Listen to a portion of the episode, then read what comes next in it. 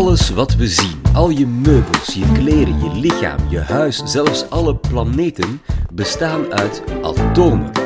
Maar wist je dat die atomen zijn opgebouwd uit deeltjes die nog veel kleiner zijn?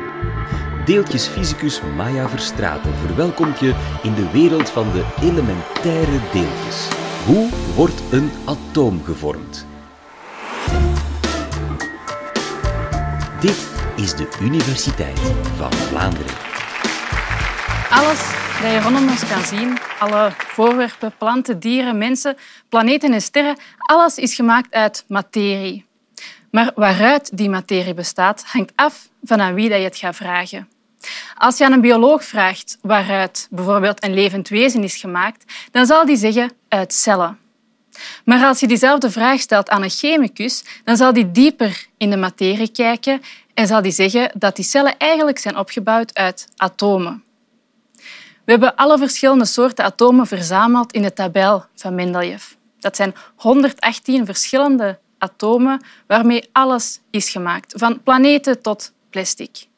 Zo'n atoom bestaat uit een atoomkern van protonen en neutronen en daar rond bewegen elektronen. Waarschijnlijk heb je dit nog gezien op school. En misschien denk je dat het verhaal daar eindigt, dat er niets kleiners bestaat. Maar als je vraagt waaruit de materie is opgebouwd aan een fysicus, zoals ik zelf, dan kan ik op het fundamentele niveau antwoorden.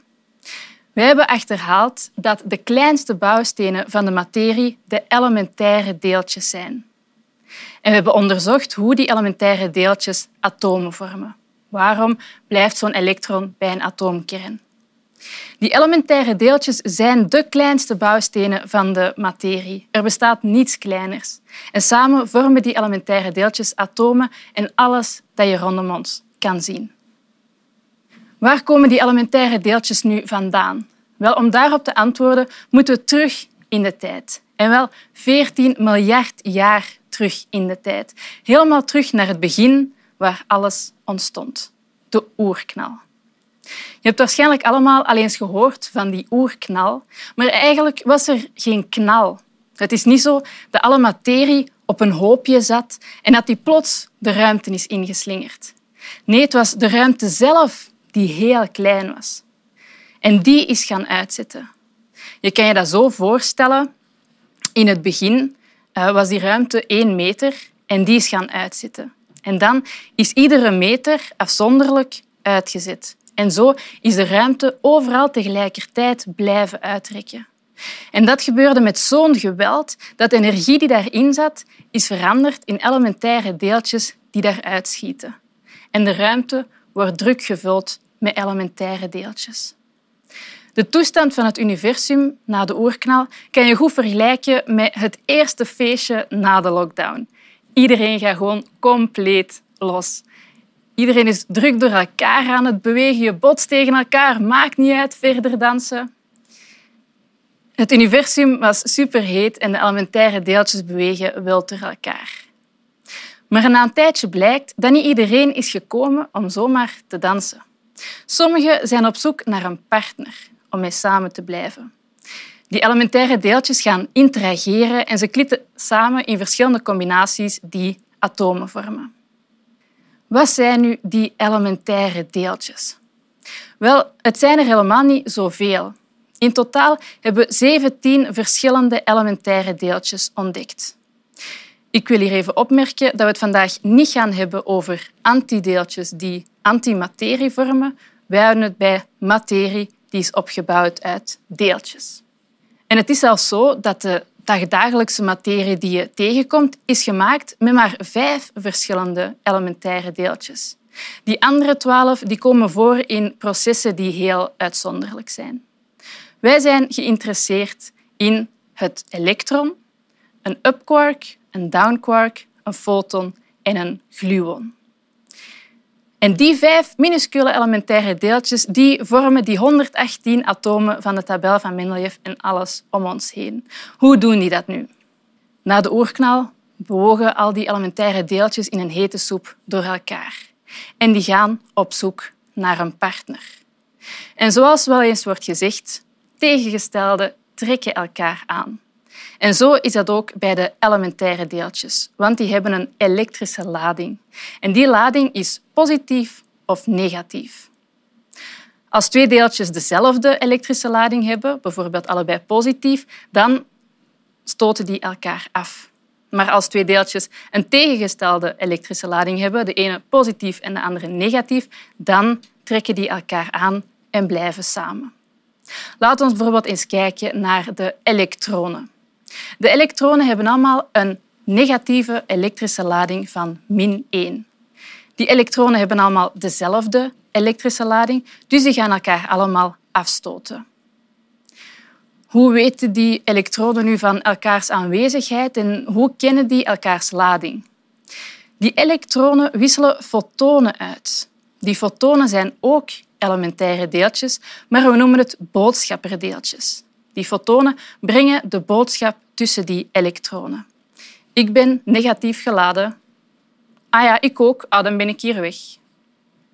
Als ons universum enkel zou bestaan uit elektronen en fotonen, dan zou het hier heel erg leeg zijn. Gelukkig zijn er ook quarks.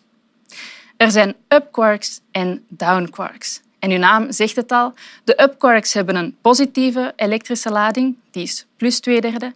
En de down-quarks hebben een negatieve elektrische lading van min 1 derde.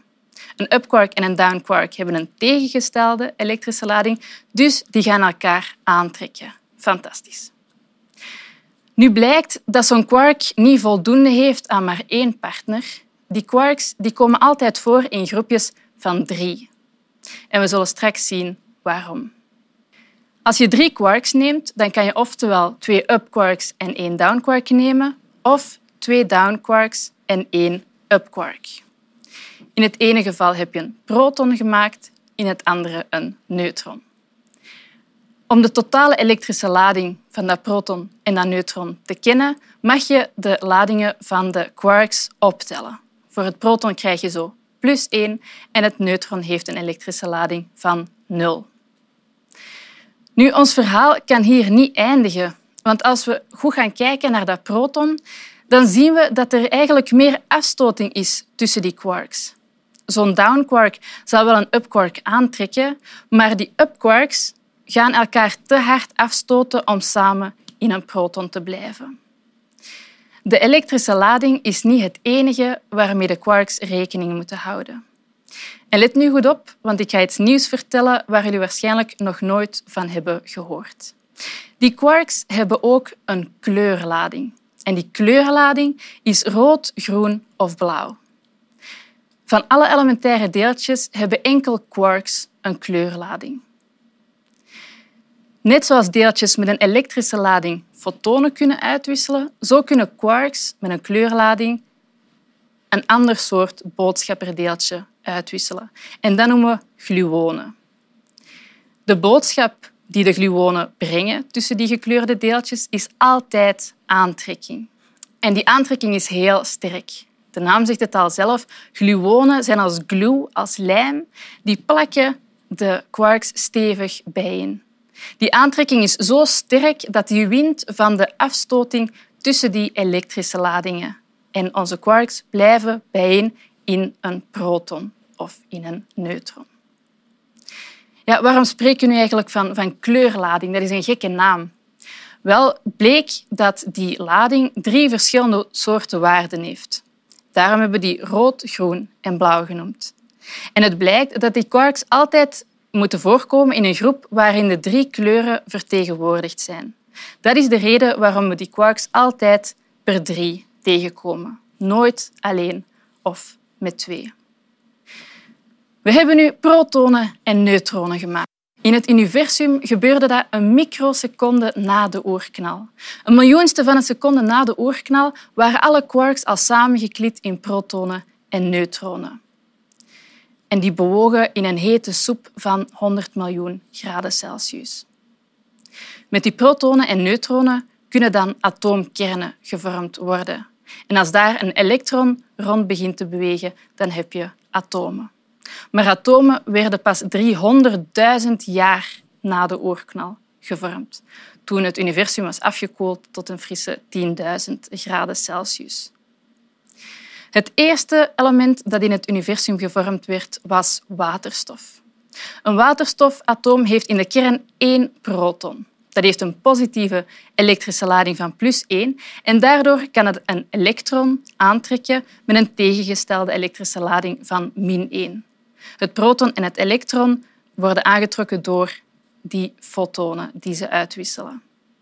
Voilà, en op die manier hebben we al een waterstofatoom gemaakt. Dat is het eenvoudigste atoom dat je kan maken en daardoor ook het eerste atoom op die tabel van Mendeleev.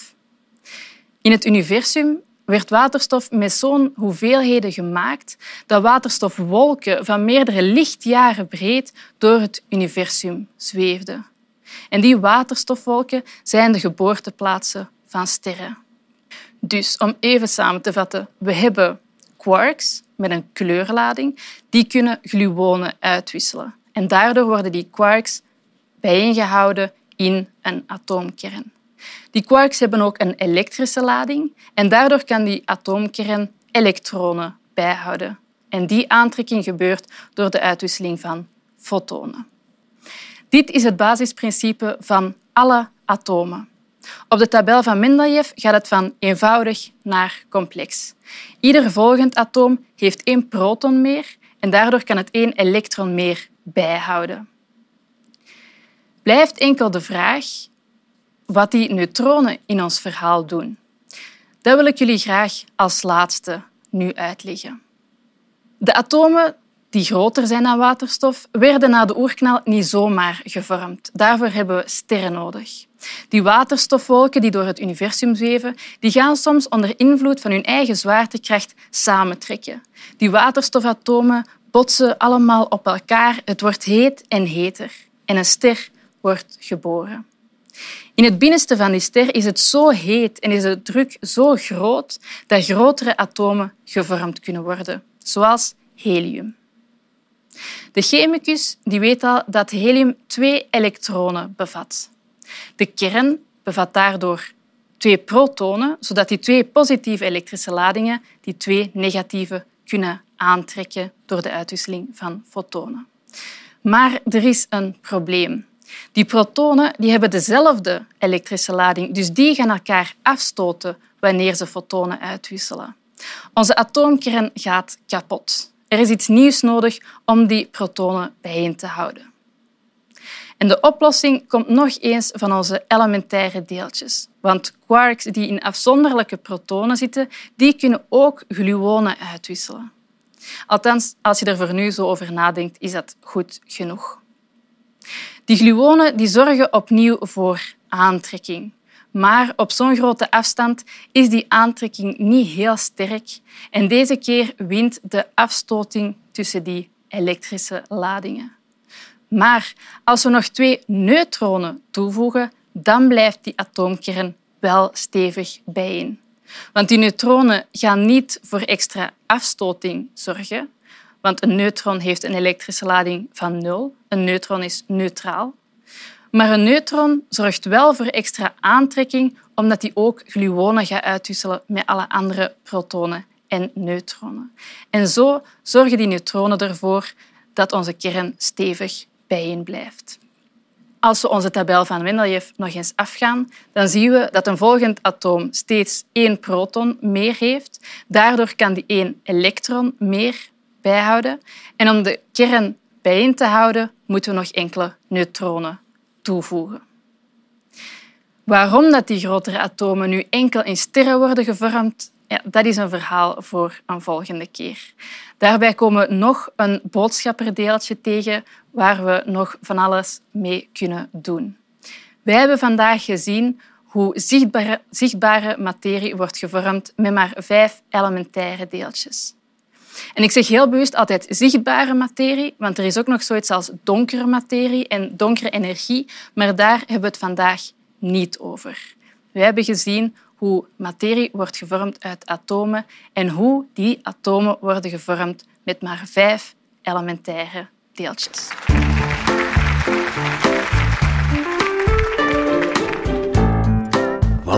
Blijft dat toch fascinerend. Het universum heeft nog zoveel geheimen die wetenschappers stap voor stap proberen te ontrafelen, zoals bijvoorbeeld donkere materie. Wat dat is en hoe wetenschappers daar onderzoek naar doen, hoor je in podcast nummer 200 met professor Dirk Rijkbos. Heel graag tot een volgende keer.